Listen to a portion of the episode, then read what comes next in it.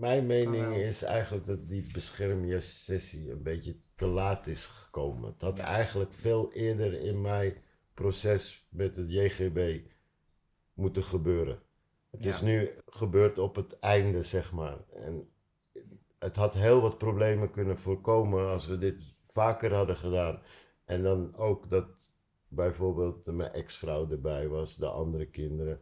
Misschien wat instanties die op dat moment bij ons betrokken waren, ook erbij zijn. Ja, dat, ik denk dat het heel veel eh, Ja, ik, ik, Heel veel ik zou positieve- vorderingen kan brengen. Ja, ik zou inderdaad dat ook zeggen van als je bijvoorbeeld met een hulpverleningstraject start en je komt onder een OTS terecht en eh, weet ik het wat waar je in zit, dat zo'n sessie voorafgaand aan Ja. alles moet gaan.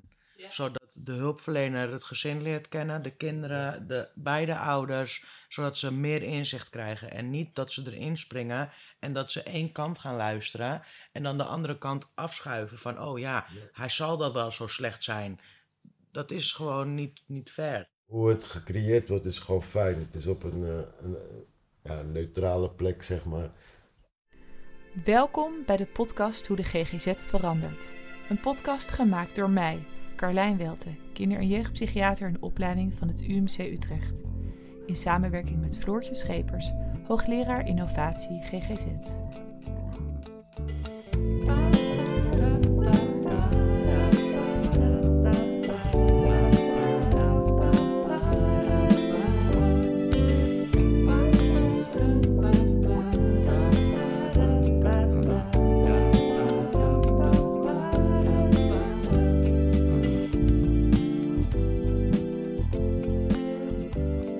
Deze aflevering bespreken we het betrekken van het systeem als onderwerp van verandering in de GGZ.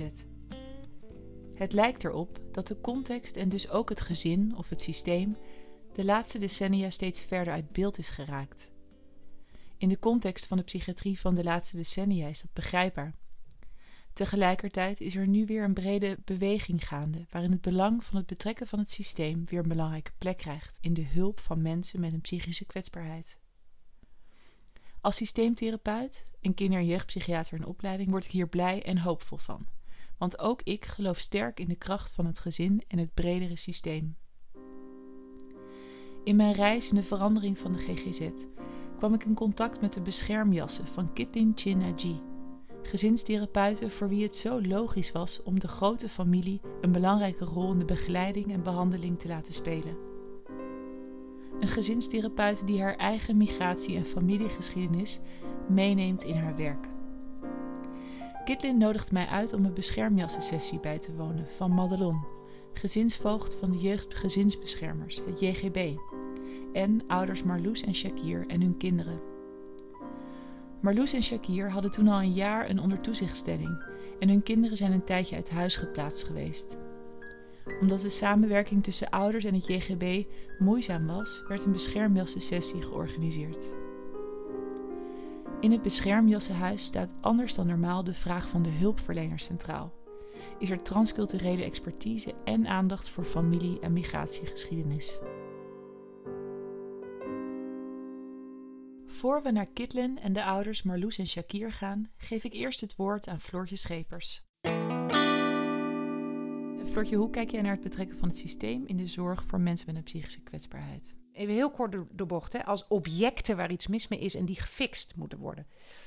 En daar zit wel een systeem omheen. Bij kinderen en jongeren zijn dat de ouders, maar ook bij volwassenen kunnen dat nog de ouders zijn, of de partner, of, of andere familieleden, of naast betrokkenen. Die zijn er wel en die zijn misschien ook wel relevant voor de behandeling in die zin dat je ze kunt inzetten bij het herinneren aan het innemen van die medicatie, hè, zoals dat dan nu vaak gebeurt. Of psycho-educatie geven over de stoornis en ze uitleggen hoe ze daarmee om moeten gaan. Maar de rol die het systeem heeft in het ontstaan of het onderhouden van de problemen, die is heel erg naar de achtergrond verdwenen. Omdat we gingen uit van een defect in het individu. En dat relationele, dat dat individu in interactie is constant met zijn omgeving en dus ook met zijn belangrijke naasten vooral. Ja, dat was zo ingewikkeld. Dat, dat kon je niet meetbaar maken. Dat kon je niet in een biomarker gieten. Dus ja, dat hebben we even geparkeerd in de stal van de filosofen. En wij gingen ons richten op het medische, op het geneeskundige aspect van ontregeling, hè? op het biologische. Nou ja, en dat is heel jammer, want we hebben het systeem nodig ook om te begrijpen wat er met het individu misgaat, zonder daarin te blamen en te shamen. Ik denk dat daar over, overigens wel een trauma is, omdat we natuurlijk een periode hebben gehad, vooral bij autisme heeft dat heel erg gespeeld. Leo Kanner heeft het notabene volgens mij geïntroduceerd, de term koelkastmoeder. En dat is totaal uit de hand gelopen. Kan je vertellen wat de koelkastmoeder Ja, de koelkastmoeder is een, een theorie dat eigenlijk kinderen eh, autistische kenmerken krijgen... omdat de moeder eigenlijk affectief niet afgestemd is op het kind. Hè?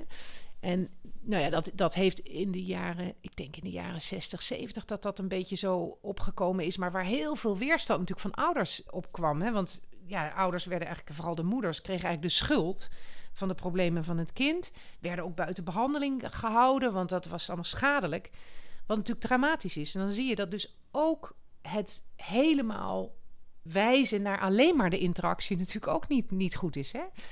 Dus er is een soort tegenbeweging gekomen waarbij we die rol van die moeder en die vader überhaupt niet meer durfden te benoemen. Want dan zouden we zo'n psychiater uit de tijd zijn van de koelkastmoeder. Dus het is de koelkastmoeder, een tegenbeweging van de koelkastmoeder, maar zeker ook, het is zo lastig meetbaar. We zijn het een Ja. beetje, we hebben het een beetje naast ons neergelegd. Ja, ja. En het is een sluipend proces. Hè? Dat klinkt een beetje negatief, maar wat ik eigenlijk bedoel is. Kijk, het gekke is, wij, wij vinden het doodnormaal dat in 20 sessies psychotherapie van drie kwartier we het denken van iemand volledig kunnen ombuigen. En we negeren zeg maar 18 jaar opvoeding van ouders. Hè? Wat ongeveer dagelijks toch iets meer dan drie kwartier zal zijn, wat daar in interactie plaatsvindt. Het is net als sigaretten roken. Hè? Dus eh, één sigaret, daar krijg je geen kanker van en geen hart- en vaatziekten van. Maar twee sigaretten, nou, vergroot de kans. En als je je hele leven lang rookt, ja, dan weet iedereen dat is heel, heel slecht en heel schadelijk. Maar wan- wanneer is dat kantelpunt? Wanneer is dat omslagpunt? Dat is heel lastig te bepalen. Nou, hetzelfde zit met dysfunctionele interactiepatronen. Of dat nou met ouders is, of met school, of met, met, met anderen in je omgeving. Als dat heel lang er is, er is dus niet één moment waarop er een trauma, dat kan ook, is en hop, je, je ontregelt. Nee, het is iets wat ontstaat en wat op een gegeven moment voorbij een tipping point komt en tot ontregeling kan leiden. Maar hoe ga je dat zichtbaar maken? Dat er jarenlang misschien een structureel patroon is geweest waarbij zo'n kind te horen heeft gekregen, subtiel of wat minder subtiel. Je voldoet niet. Je bent net niet goed genoeg. Je snap je?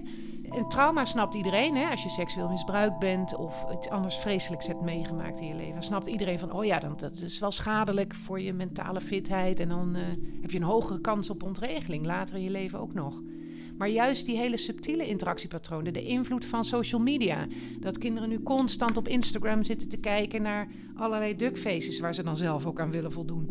Al die sluipende structurele invloed van de omgeving, waarvan het systeem een hele dominante is, ouders of broertjes, zusjes, is heel lastig hard te maken, maar is er wel. Ja. En dat moeten we niet ontkennen. Dat moeten we niet wegmaken. Omdat we het zo ingewikkeld vinden, hebben we het er maar niet over. Omdat het zo lastig te meten is. Omdat het zo lastig te meten is, ja.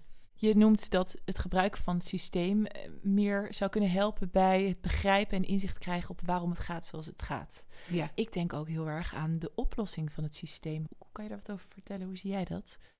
Nou ja, als een systeem onderdeel kan zijn van de oorzaak, hè, zonder te zeggen het ligt aan het systeem, hè, maar als het een factor is in de oorzaak, dan is het ook logisch dat je, als dat zo is, het zou kunnen omdraaien en daar ook een deel van de oplossing in zou kunnen vinden. En als ouders zich, ik noem nu even ouders, hè, maar dat moet je eigenlijk wat breder zien, maar goed, laten we even ouders noemen. Als ouders zich bewuster worden van wat zij doen en hoe dat helpt of juist niet helpt, hoe dat versnelt of vertraagt in de ontwikkeling van een kind hoe dat wel of niet aansluit bij de behoeften van een kind. Als zij daar meer grip op krijgen, meer zicht op krijgen, zich bewuster van zijn, dan kunnen ze dat ook beter gaan inzetten. Om zo'n kind optimaal te ondersteunen in zijn ontwikkeling of in haar ontwikkeling. Dus daar hebben we het over mogelijkheden. Absoluut, over kansen. Ja, Als we het hebben over uitdagingen, wanneer we het Mhm. systeem intensiever willen gaan betrekken, waar denk jij dan aan? Ik denk dat de belangrijkste uitdaging is hoe maken we die rol zichtbaar zonder mensen het gevoel te geven dat ze schuldig zijn. De hele wereld zit in elkaar van winners en losers. Hè. Je doet het goed of je doet het niet goed. Je hoort bij de top 10 of je hoort bij het afvoerputje, zou ik maar zeggen. Dus we moeten heel erg uitkijken dat als we ouders op die manier gaan betrekken bij behandelingen en ze onderdeel daarvan maken en ze bewuster maken van hun eigen impact en invloed, dat ze zich gaan schamen of schuldig gaan voelen over hoe ze het daarvoor gedaan hebben, bijvoorbeeld. Hè? Of dat ze zich daartegen gaan verzetten, omdat ze eigenlijk toch liever willen dat er iets met dat kind is, zodat het, de dokter het op kan lossen. Want ook ouders vinden het heel lastig om hun eigen patronen te doorbreken en zonder lijdensdruk en dysfunctioneren verandert een mens niet. Dus ja, ze, ze lijden misschien onder het gedrag van het kind, maar misschien niet onder zichzelf. Dus het is, het is denk ik een heel subtiel genuanceerd proces wat je aan moet gaan. Dat is de grootste uitdaging, om dat op een goede manier te doen. In een dorpje in Noord-Holland mocht ik langskomen bij Marloes en Shakir. Twee warme ouders met een goede dosis humor. Shakir, van Surinaamse afkomst en vader van negen kinderen uit drie gezinnen, kwam vier jaar geleden in contact met jeugdzorg toen hij problemen kreeg met zijn tweede gezin en zijn kinderen niet meer mocht zien. De problemen escaleerden en zo kwam er ook druk te staan op zijn derde gezin met Marloes. Het gezin kreeg een OTS. Tijdens zwangerschap van de derde werden hun twee kinderen van vijf en acht jaar oud een tijdje uit huis geplaatst. Madelon, hun hulpverlener van de jeugdgezinsbeschermers, organiseerde een beschermjassensessie. Ja, omdat we toch steeds vast kwamen te zitten met de hulpverlening, met de JGB dacht Madelon dat dit uh, iets zou zijn om toch uh, de samenwerking wat beter kon gaan. Ze besluiten toch maar eerst even hun zes maanden oude dochtertje in bed te leggen. En we pakken het beginnende gesprek weer op. En jullie gingen redelijk open daar naartoe, Marloes. Ja, het was uh, meer een beetje dat we niet echt wisten wat er ging gebeuren. Wel dat ze zeg maar je familie gaan ja, een beetje bekijken, waar je vandaan komt, dat wisten we dan wel. Maar verder wisten we niet echt wat we moesten verwachten. Dat we ook binnenkwamen leek het een beetje op zo'n seance. op een wat? zo'n... Uh, zo'n uh... meer een secte. Denk secte. ja? ja? Die kandelaars en uh, nou ja. Wat dacht je toen? Ik denk, waar zijn we nou weer beland? maar het was, wel, het was wel leuk. Er was heel veel eten, stond er? Heel veel eten, ja. Er waren ook meer mensen dan waar wij van op de hoogte waren. Wij dachten dat het alleen met Kitlin was en Madelon. Ja, maar het was dus... Hoe was dat? Een beetje schikken of... Ja, het was, uh, is toch even wennen. Dat... Ja, meer zo van wat gaan ze doen? Ja. en wie zijn al die mensen? En toen, ja. hoe heb je dat toen ervaren? Ik vond het uh, toch iets fijn, omdat het toch een, uh, een beter beeld geeft van de situatie, hoe het is. En je krijgt meer openheid. Ja. In bepaalde dingen waar ze misschien wellicht niet van op de hoogte waren. Er werd heel veel gesproken over jouw grote familie, hè, Shakir. Ja. Hoe was dat om zoveel aandacht aan jouw voorouders en jouw grote familie te besteden? Ja, dat is toch ook fijn. Zodat ze zien waar je roots liggen. Ja. En uh, waar je vandaan komt. Was dit een andere bijeenkomst dan jullie gewend waren in de hulpverlening? Ja, het is sowieso anders. Omdat normaal heb, zeg maar, bij een evaluatie is het gewoon in een kantoortje. Nu was het in een iets grotere ruimte met eten erbij. Dat geeft toch weer een uh, andere sfeer. Ja. En ook iedereen die zeg maar vrij was om elkaar iets te vragen ergens over of even inhaken en toch weer even op dingen terugkwam. Wat deed dat met jullie, dat het een, die andere sfeer, die andere omgeving? Ja, het voelde wel fijner. Voor mij, na alle nare ervaringen die ik dan heb met de JGB, was het sowieso fijn, omdat je dan gewoon met een hele andere mindset er naartoe gaat. Ja. Wat was die andere mindset? Hoe ik hem had op, op, voor open had gesteld, is dat ik gewoon ga van in de hoop dat het nu beter gaat. Want ik zoveel problemen al had gehad. Mijn hoop was dat ze wat meer begrip tonen voor de, ja, toch het cultuur waar ik uitkom. Want ik kom toch uit een andere cultuur. Ja. Ik voel me niet uh, een gemiddelde Nederlander. Nee. Terwijl je in de jeugdzorg of uh, wel vaak te maken hebt met uh, mensen uit de Nederlandse cultuur. Ja, alleen nogmaals, maar onze normen en waarden liggen anders. Ons, we hebben een andere religie. Ja. En ja, dat zijn toch is verschillend. Had je het gevoel dat door deze manier dat dat er nu aandacht was voor de cultuur waar je uitkwam? Ja, sowieso, want voor, het ging voornamelijk over mijn familie. Dus Ja. dan, eh, ja, dan voel je je dankbaar. Ja, het wordt erbij betrokken. Ja. Want Ja, gehoord, zeg maar ook. Heeft het jullie iets opgeleverd? Nou, Ja, eh, opgeleverd eh, heeft, het heeft de band tussen, tussen de voogd en mij wel weer iets versterkt. Dat wel. Omdat, ja, nogmaals, ik heb zoveel nare ervaringen. Het is nooit, ik heb het gevoel gehad dat er nooit is geluisterd naar me.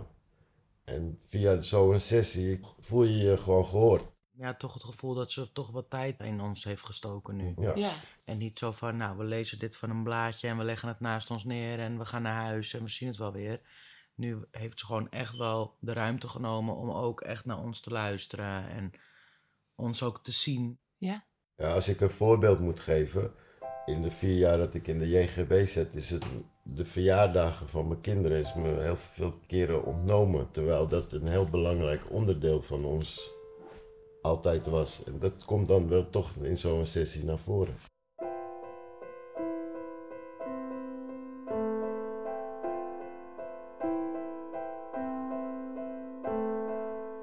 Mijn mening is eigenlijk dat die beschermjessessie een beetje te laat is gekomen. Het had eigenlijk veel eerder in mijn proces met het JGB moeten gebeuren.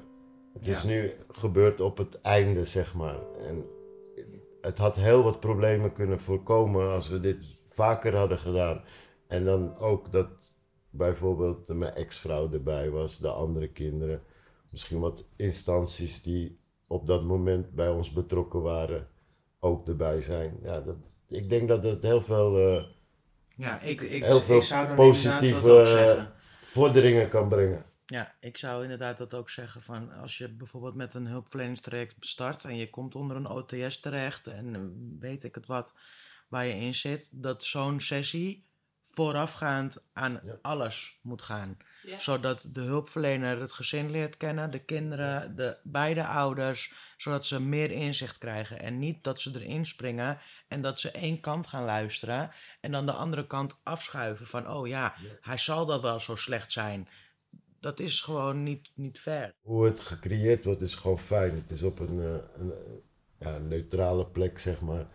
Jeetje, ja, het was fijn. Maar had het even vier jaar geleden Ja, ja. gedaan. Ja, En jullie hebben wel hoop dat dat heel erg had geholpen toen. Ja, het had zeker geholpen. het had zeker geholpen als dit vooraf was gebeurd. Het is gewoon heel Dan anders had het dan heel veel dat je bespaard. iemand in je leven krijgt en die begint eh, beslissingen voor jou te nemen die je normaal zelf deed. Het geeft gewoon eh, een beter gevoel. Je leert er beter kennen. Zou het misschien vanuit jullie ervaringen bijna een voorwaarde moeten zijn voordat je zo'n heftig traject begint? Nou, ik zou zeker zeggen dat dat Ja, echt, eh, omdat het is, het is niet niks. En ik vond ook zo mooi bij die beschermjassen-sessie dat het niet ging over de problemen waar jullie tegenaan liepen, maar het ging over jullie familieverhalen en over jullie krachten en over ho- hoe jullie dat doen en oplossen in jullie familie. Dat was is dat voor jullie? In mijn situatie, mijn verleden is dan toch een beetje eh, drank en drugs. Dat wordt dus eigenlijk niet besproken. Dus dat is wel heel fijn. Ja, dat, het ander, dat, dat een ander belangrijk stuk van jou Ja, wordt gezien. Want alle andere gesprekken, evaluaties leiden weer terug naar je verleden. Ja, ja. En dat had je dan op zo'n sessie toch minder. Als ik jullie goed heb begrepen, is het ook een beetje een vraag van jullie voor alle mensen die na jullie komen. Alsjeblieft, doe dit aan het begin. Ja, ik zou zeggen, zet het in als een voortraject. Ja, Ik zou het zeker aanraden, want het is gewoon toch fijn. Omdat je toch met zulke instanties voor een langere tijd vastzit. Ja. Ja, dat ze je beter ook kunnen begrijpen. Shakir vat het krachtig samen, zoals alleen Johan Cruijff dat ook had kunnen doen. Ja, het, Ja. het is eigenlijk, je moet bij het begin beginnen en niet bij het einde. Ja, ja. De, de OTS gaat er vanaf. En Ja. een maand zijn jullie bevrijd. En gaan jullie het op jullie manier weer doen, hè? Ja, Ja. gelukkig wel. Dat is fijn. Ja, zeker. En eh, misschien is dat ook door die sessie gekomen. We waren daarvoor nog op een hele andere lijn. Het is toch Ja. allemaal in een korte tijd toch veranderd. En niet alleen van onze kant, maar ook vanuit de JGB. Ik denk dat de blik van Madelon ook heel erg veranderd is na die sessie richting ons. Ik denk zelf dat ze zich heel erg heeft ingezet voor ons. Wauw. Om het zo maar te zeggen. Dus het heeft jullie geholpen voor de band met Madelon, maar misschien heeft het haar ook heel erg geholpen om jullie meer in jullie kracht te gaan zetten en Ja. jullie los te gaan laten. Ja, Ja. dat denk ik wel, ja. Nou, ik ben heel blij voor jullie, want ik heb jullie leren kennen als stel prachtige mensen. Ik heb, en ik hoop echt heel erg dat we in de toekomst jullie advies echt in de praktijk gaan brengen. Want ik geloof er ook in. Ja, Ja. Ja, dat hoop ik ook. Ja. Graag gedaan. Op naar Kitlin Chin Aji. Een warme, kleine Surinaamse vrouw. Systeemtherapeut en opleider. En schrijfster van verschillende boeken over transculturele systeemtherapie en beschermjassen. In 1995 richtte zij met veel succes beschermjassen op, waar Irene Zwaan zich in 2011 bij aansloot. Zo, Kitlin, dankjewel dat ik hier mag zijn in jouw huis. Blij dat jij er bent, Carlijn. prachtige huis in Amsterdam. Met genoeg eten Ja. om, de, om de tijd door te komen. Dus dankjewel. Vandaag praten we samen over het inzetten van het systeem. Ja. Eh, als thema van verandering. Maar eigenlijk is het iets wat jij al heel lang doet. En waar je al heel lang in gelooft. Ja.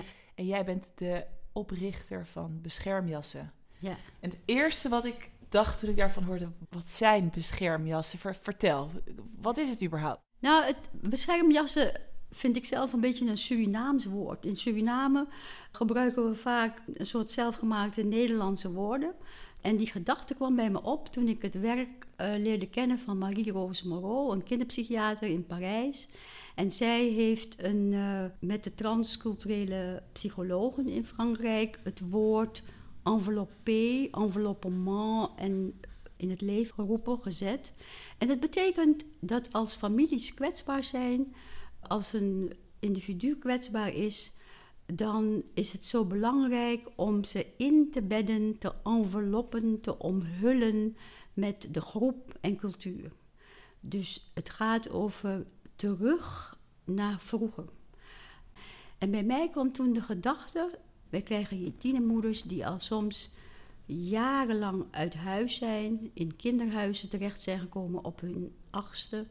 En van het ene huis naar het andere huis, pleeggezin, verschillende contexten zijn terechtgekomen, waardoor ze ja, zijn verloren. De gedachten over rituelen, over inbedding, van waar hoor ik thuis. Voor mij kwam het beeld voor ogen dat de jas, de veilige omhulling, daar zaten gaten in, daar zaten scheuren in, daar waren de zakken uitgevallen. En ik dacht, hoe kunnen we opnieuw daar ja, de gaten stoppen, de scheuren eh, repareren. En het zal nooit diezelfde jas worden, maar het wordt een beschermjas die voldoet in deze context. En de migratie ontregelt vaak vier generaties. Dus het is heel belangrijk om te kijken naar de historie, de geschiedenis van deze kinderen, om te zien waar mogelijk relaties kunnen worden hersteld. En in deze historie vind je ook de beschermjassen weer. Ja, inbedden in groep en cultuur, dat is teruggaan, en dat zeggen zij, de Franse transcultureel psychologen, is op zoek naar unfinished business, naar trauma, naar migraties, daar waar discontinuïteit heeft opgetreden in de historische lijnen van grootouders, ouders en kinderen. Dus we tekenen drie lijnen, grootouders, ouders en kinderen, om te kijken van waar zitten mogelijk breuken waardoor de samenhang niet meer kan worden gezien.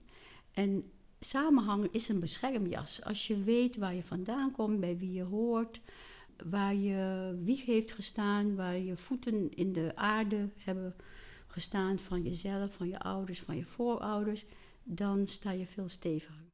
Is het voor jou van essentieel belang dat we altijd blijven kijken naar het grotere systeem en dat betrekken? Ja, dat is voor mij een soort basisdenken van wat draag je mee? Vaak weten we niet wat we dragen.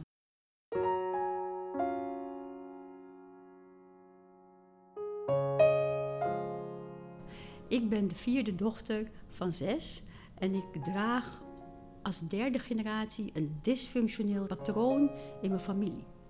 Dat heb ik beschreven in het boek De Familieziel. Ik ben gaan zoeken van wat maakte nou dat ik zo'n gek kind was. Ik was gewoon stapelgek. Ik gooide met borden eten naar mijn zussen. Ik gooide ze uit het raam. Ik dacht, Je zussen uit het ja, raam? ja, ik dacht, oh, oh, even kijken. Ik besefte me dat ze mogelijk een been konden breken. Maar ik dacht, ach, een beentje breken, nou ja. En dan duwde ik ze zo het raam uit. Ik deed allemaal kleren aan. Ik ging onder de douche staan, want ik deed ook strafexpedities. Mijn oudste zus was de hele tijd bezig me proberen in het gareel te houden.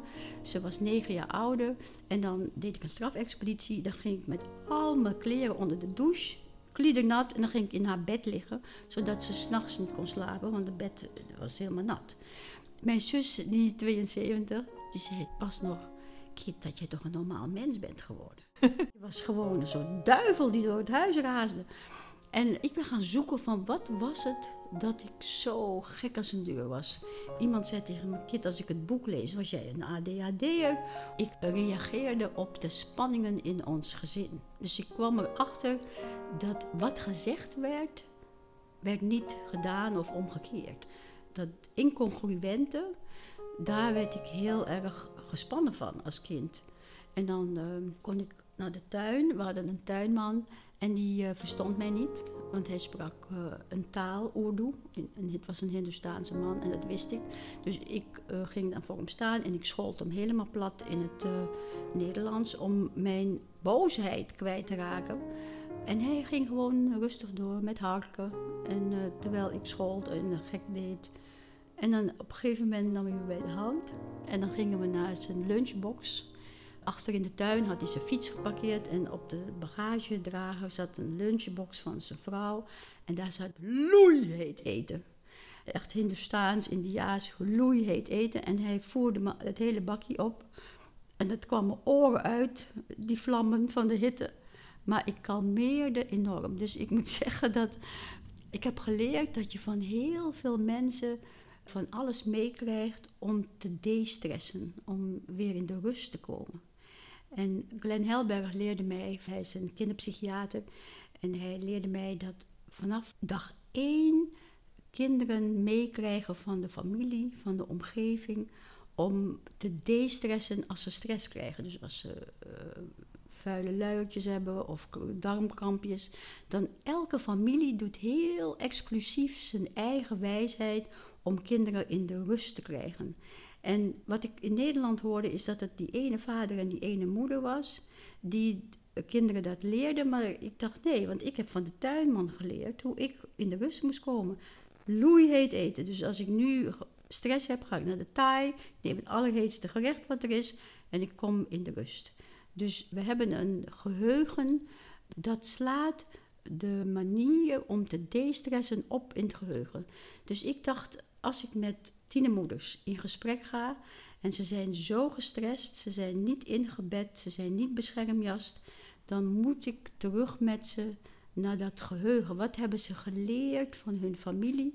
En dat, wat ze geleerd hebben, dat kwam terug als ik hun familietekening maakte. Als ik zei van, wat zou je oma nou tegen je zeggen? Nou, dat is het ultieme om kinderen te beschermjassen, terug te brengen naar de groep en naar de cultuur.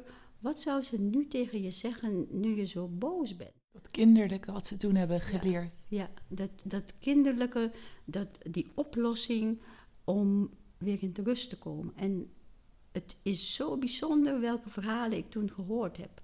Dat kinderen zeiden van, ehm, ik was astmatisch en dan zei mijn vader, kijk me in de ogen en we gaan samen ademhalen. Dus ze zeiden tegen me, als ik nu jou dit vertel, bedenk ik me, ik moet in de spiegel kijken als ik stress heb en dan mijn ademhaling gaan reguleren. Nou, ongelooflijk hoe de kinderen dan, eh, de tieners, dan met je in gesprek konden. Zo deden ze ook hun beschermjas weer aan. Moet ik dat Ja, zo ja, zien? Ja. Ja, zo werden ze ingebed in hun groep en in hun cultuur.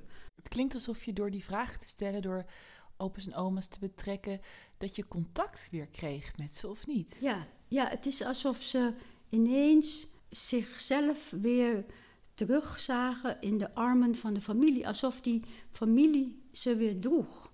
En natuurlijk was dat al misschien tien jaar daarvoor afgesneden, de familie, doordat kinderen uit huis waren geplaatst, in uh, tehuizen terecht waren gekomen. En wat we weten is dat kinderen vaak eh, verplaatst worden.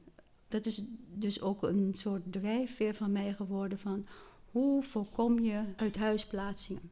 Ja? Hoe voorkom je dat kinderen uit hun systeem worden weggenomen? En ik heb zoveel kinderen gezien in de afgelopen 40 jaar die herhaalden steeds maar het niet kunnen ouderen, niet kunnen moederen, niet kunnen vaderen, omdat ze te veel verplaatst waren.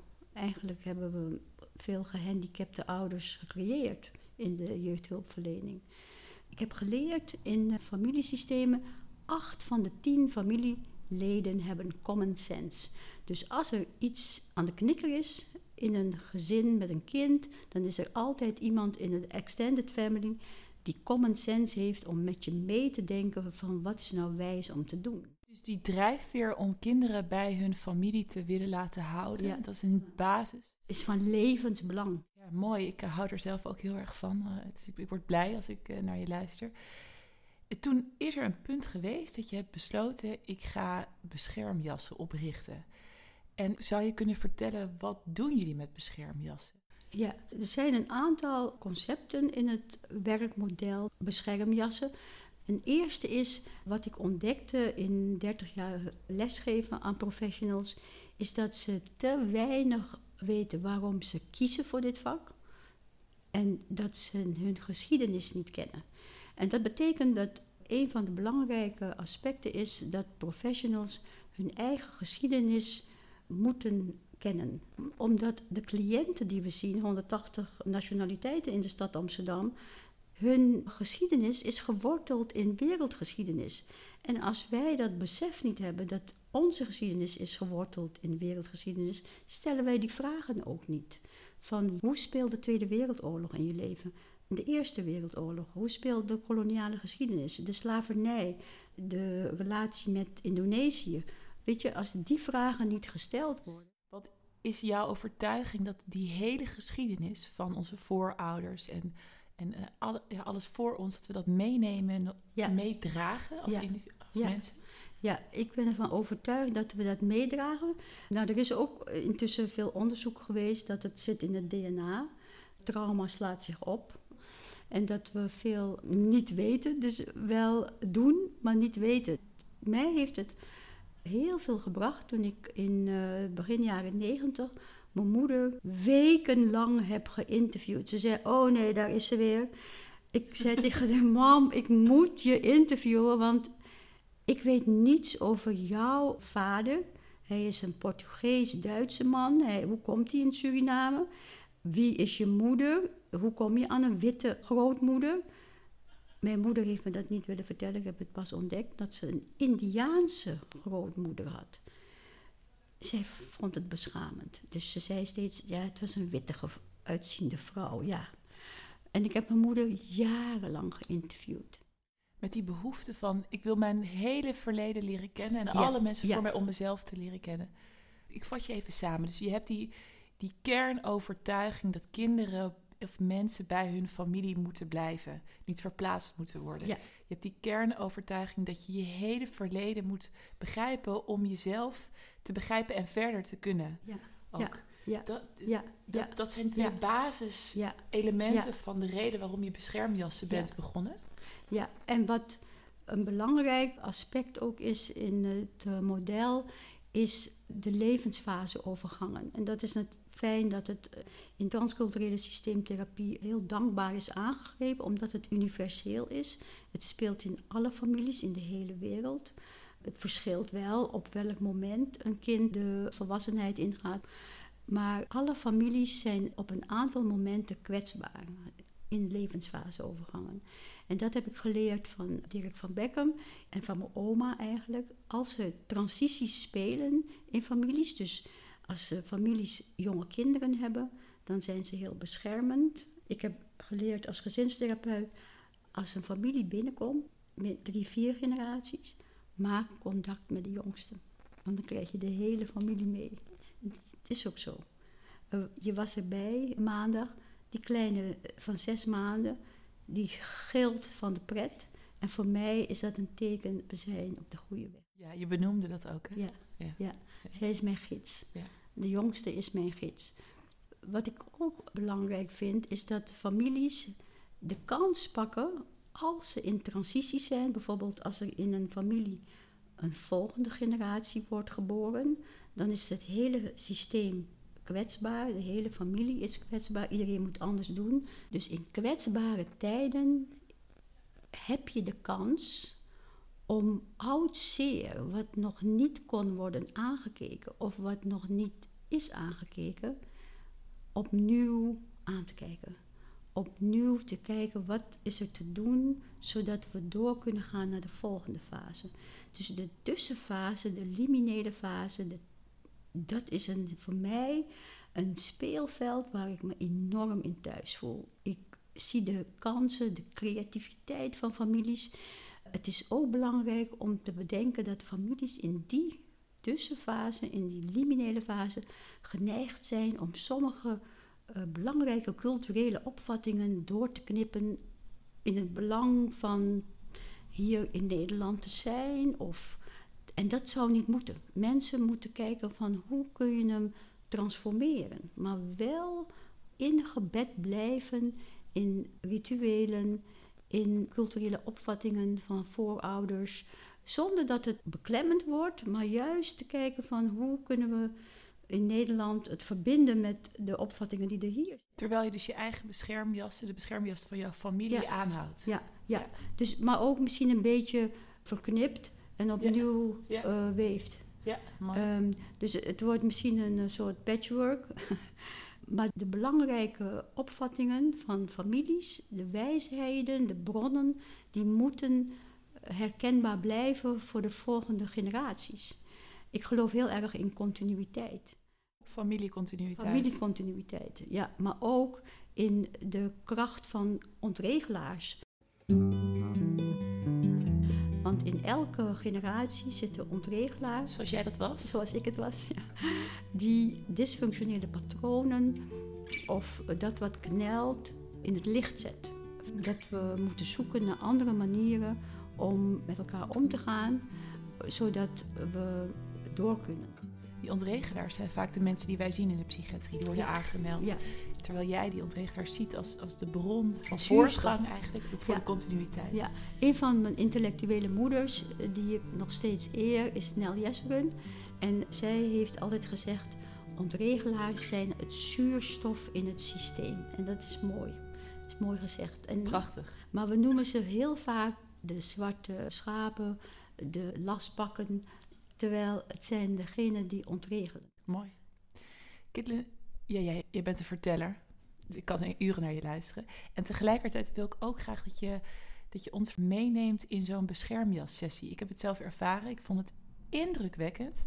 Allereerst was het overvloed aan eten indrukwekkend. Eh, Dat gebruikt jullie echt om te landen. Hè? Ja, ja. Kan jij uitleggen wat jullie doen met die 1 à 2 beschermjassessies, waardoor bijna 50% geen kader meer nodig heeft? Ja. Vertel, wat, wat Ja. gebeurt daar? Wat doen jullie? We doen alsof we allemaal familie zijn. En wat zijn we ook? Wij moeten ook een systeem zijn. Want dat is wat mankeert. We zien allerlei mensen één op één in een hok. Jullie omarmen dat gezin bij binnenkomst echt als Ja, familie. Ja, ja, ja. Wat we vooral hebben bedacht is dat de professional vastloopt in de casus. Wat is het dat resoneert in je eigen systeem wat maakt dat je vastloopt? Ja, dat vond ik ook zo opvallend. Hè? Dus de vragen wie die worden gesteld zijn... Hoe was het in jouw kerngezin, behandelaar? Wat herken jij terug in deze vader van jouw vader? Het was heel persoonlijk. De behandelaar was ook heel kwetsbaar opgenomen eigenlijk in jullie nieuwe familie. Ja. En daardoor kreeg het uiteindelijk ook weer een beschermjas aan of zo, de behandelaar. Ja, en ik deel ook vaak verhalen, soms met de behandelaar of soms met de familie. Als de familie komt en er is een eh, kind waarvan ze vinden dat wij naar dat kind moeten kijken, of de behandelaar zegt dat het kind is lastig, dat ik vertel hoe een gek kind ik was. Dus in het eerste uur ongeveer, de behandelaar wordt eigenlijk in het midden gezet. En we gingen onderzoeken wat deze casus zo lastig maakte voor de behandelaar. En dan komt dat gezin binnen. En het gezin is meteen al op een ander been gezet. Want de vraag van de behandelaar staat op het bord. En de vraag was zoiets van: wat zie ik niet, wat hoor ik niet, wat verdient aandacht in deze familie, wat ik nog niet gezien heb. Ja. Het gaat niet over wie is hier verslaafd of wie heeft hier een probleem. Of, het gaat over iets heel anders. En de familie komt de behandelaar helpen. Ja. Dus de familie wordt uit de wind gehouden. Die gaat rustig zitten.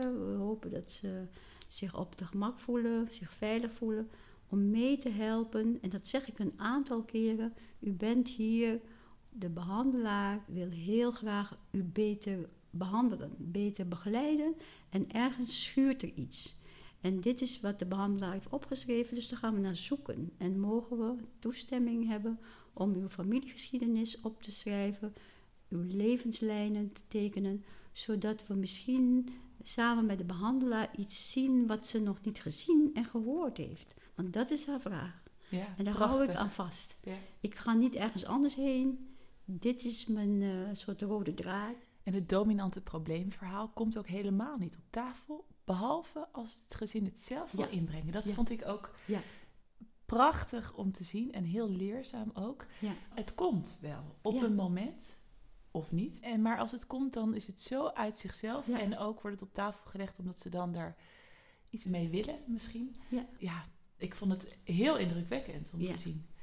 En Oh, twee uur later waren we en die vader die zei...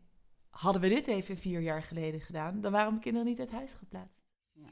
Nou, en dan ben ik in tranen. Ja, Het raakt me dan zo. ja, Dat, dat, dat, nou ja, je bent 30 jaar ergens mee aan het eh, zoeken van wat moeten we doen om te zorgen dat kinderen niet meer uit huis worden geplaatst. En dit, nou ja, ik Ja. weet niet of dit echt het hele grote antwoord is.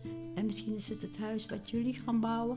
Maar dit is een onderdeel wat mij voor 50% van de families die we zien, daar is na een paar weken al de behandeling of de begeleiding niet meer bij nodig. Maar dat is een immens succes, hè? Ja, Ja. Ehm, Sommige mensen komen met het idee dat ze gaan echtscheiden en ze gaan niet meer scheiden. Sommigen komen met het idee dat de kinderen uit huis gaan. De kinderen gaan niet meer uit huis. Dus En het element is dus het warm gezien worden als familielid, als, als gelijkene. Maar zeker ook het vertellen over alles wat voor je is gebeurd en waarom het gaat zoals het gaat. Ja. Uiteindelijk. nou, wat ook een enorme soort oerkracht is die vrijkomt, lijkt bijna, is de wil om dat wat nog niet is aangekeken aan te kijken. Want er zijn zoveel geheimen in families en die moeten daar blijven als het nog niet de tijd is. Maar als het de tijd is, dan is het belangrijk dat het verteld wordt. Want wij dragen voortdurend ballast over in generaties, wat we vaak niet weten, maar wel in emoties overdragen, maar het verhaal niet. Dus je ziet vaak dat kinderen met klapperende oren daar zitten, maar ook eh, ouders en grootouders, omdat er verhalen verteld worden die nog niet verteld waren of niet verteld konden worden. En dat is ook zo helend. Dat ineens denken kinderen, dus dat is het. Het is een bevrijding bijna. Ja, misschien is het een bevrijding. Maar vaak zie je ook dat bijvoorbeeld een ouder die niet heeft kunnen rouwen om een kind wat is overleden, dan ineens komt het op zijn plek omdat oma daarover durft te vertellen. Dat ze zelf ook een kind heeft verloren waar ze niet over heeft kunnen rouwen. Dus er komt een verbondenheid, een soort familiezielverbondenheid ontstaat er. Een intimiteit die families heel lang kwijt waren. Dus ze komen heel dicht bij elkaar. En tegelijkertijd is er ook een soort inzicht van... oh, dat is waarom ik zo zit te vechten, te struggelen. Een aha-moment. ja, ja. mooi. Maar ik denk ook dat wij horen bij elkaar, want we zijn verbonden door allerlei levensgebeurtenissen. dat besef eh, speelt ook een belangrijke rol. Jullie maken van dat besef een grote kracht, een grote bron van kracht. Volgens mij ligt er ook een duurzame oplossing voor heel veel problemen die we nu in de GGZ proberen te behandelen. Kidlin, dank je wel. Wat ik eruit meeneem is dat ik, eh, denk ik, binnenkort naar mijn oma rijd. Oh, Nu ze er nog is, om haar eens heel veel vragen te stellen. Maar zeker ook neem ik mee dat ik zou zo gunnen dat we deze manier van benadering, deze beschermjassessie, wat meer kunnen integreren in de GGZ. Misschien kunnen we zoveel lengte en duur en impact van zo'n behandeling voorkomen. Ja. Heel erg bedankt. Als ik kan bijdragen, dan doe ik het met heel mijn hart. Dankjewel. Jij ook. Dankjewel. Als we nu nadenken over de conventionele psychiatrie, nou, de psychiatrie zoals het nu gaat, waar ligt dan de uitdaging om te zorgen dat wij als psychiatrie meer gebruik maken van het Ja. systeem? Wat moet er veranderen? Wat moeten we anders doen? Of waar Ja. moeten we eh, moeite in stoppen? we moeten tijd en ruimte ervoor gaan nemen. Hè, dus dat is vaak ook het argument waarom we zeggen dat we iets niet doen. We hebben geen tijd, we hebben, geen, we hebben maar 10 minuten of we hebben maar een uur voor de intake. En dan moeten we toch al die symptomen uitgevraagd hebben. We moeten het lef hebben om daaruit te stappen en de tijd die we hebben anders in te gaan delen. En dan kost het misschien in het begin meer tijd als je ook met ouders wil praten, ook wil horen hoe hun voorgeschiedenis was, hoe zij opgegroeid zijn, wat zij aan normen en waarden hebben meegekregen. Als je dat allemaal wil doorakkeren, dat kost tijd, maar het levert uiteindelijk ook andere tijd op. Dus dat eindeloos maar doorploeteren met dat kind en nog eens dit proberen, nog eens dat proberen, kun je misschien daarmee voorkomen. En ook dat is echt toen ik artsassistent was en kinder- en jeugdstages ging doen, was die tijd er nog. Het is verdwenen. We hebben het zelf weggemaakt, lijkt het wel. Want ja, ik denk, hoe kan het? Hè? Maar het was toen al een beetje zo van, ja, waarom moeten we dit eigenlijk doen? En eh, heeft dat nou wel meerwaarde? Omdat het toen nog heel erg booming was dat kinderen iets hadden en dat we dat als professionals konden fixen. Maar het, we kunnen het gewoon gaan doen. Alleen, dan moet je wel iets loslaten. Ja. wat je nu hebt, hè? Wat je nu, waar je nu aan gewend bent. Wat laten we dan los? Hou vast, eh, structuur, eh, ordening, kennis, status. Ja, van alles laten we los. Het dilemma van verandering is groot als we het hierover Ja, hebben. ja, zeker. Mijn ervaring bij beschermjassen en de feedback van Marloes en Shakir doen mij fantaseren over een toekomst waarin er voor iedereen die nieuw in de GGZ of jeugdzorg is, in het eerste contact genoeg ruimte wordt gemaakt om elkaar als mens te ontmoeten. Ruimte voor het verhaal achter de zorgen en problemen, omdat we allemaal zoveel meer zijn dan onze kwetsbaarheid. Wanneer we bewust tijd nemen voor de familieverhalen, waarin krachten en familiewijsheid schuilen, zouden behandeltrajecten misschien wel vele malen korter kunnen duren. Bedankt voor het luisteren naar deze aflevering van de podcast Hoe de GGZ verandert. Mijn dank gaat uit naar Floortje Schepers van het UMC Utrecht voor het supporten van mijn initiatief en naar Niek Haaien voor de muziek.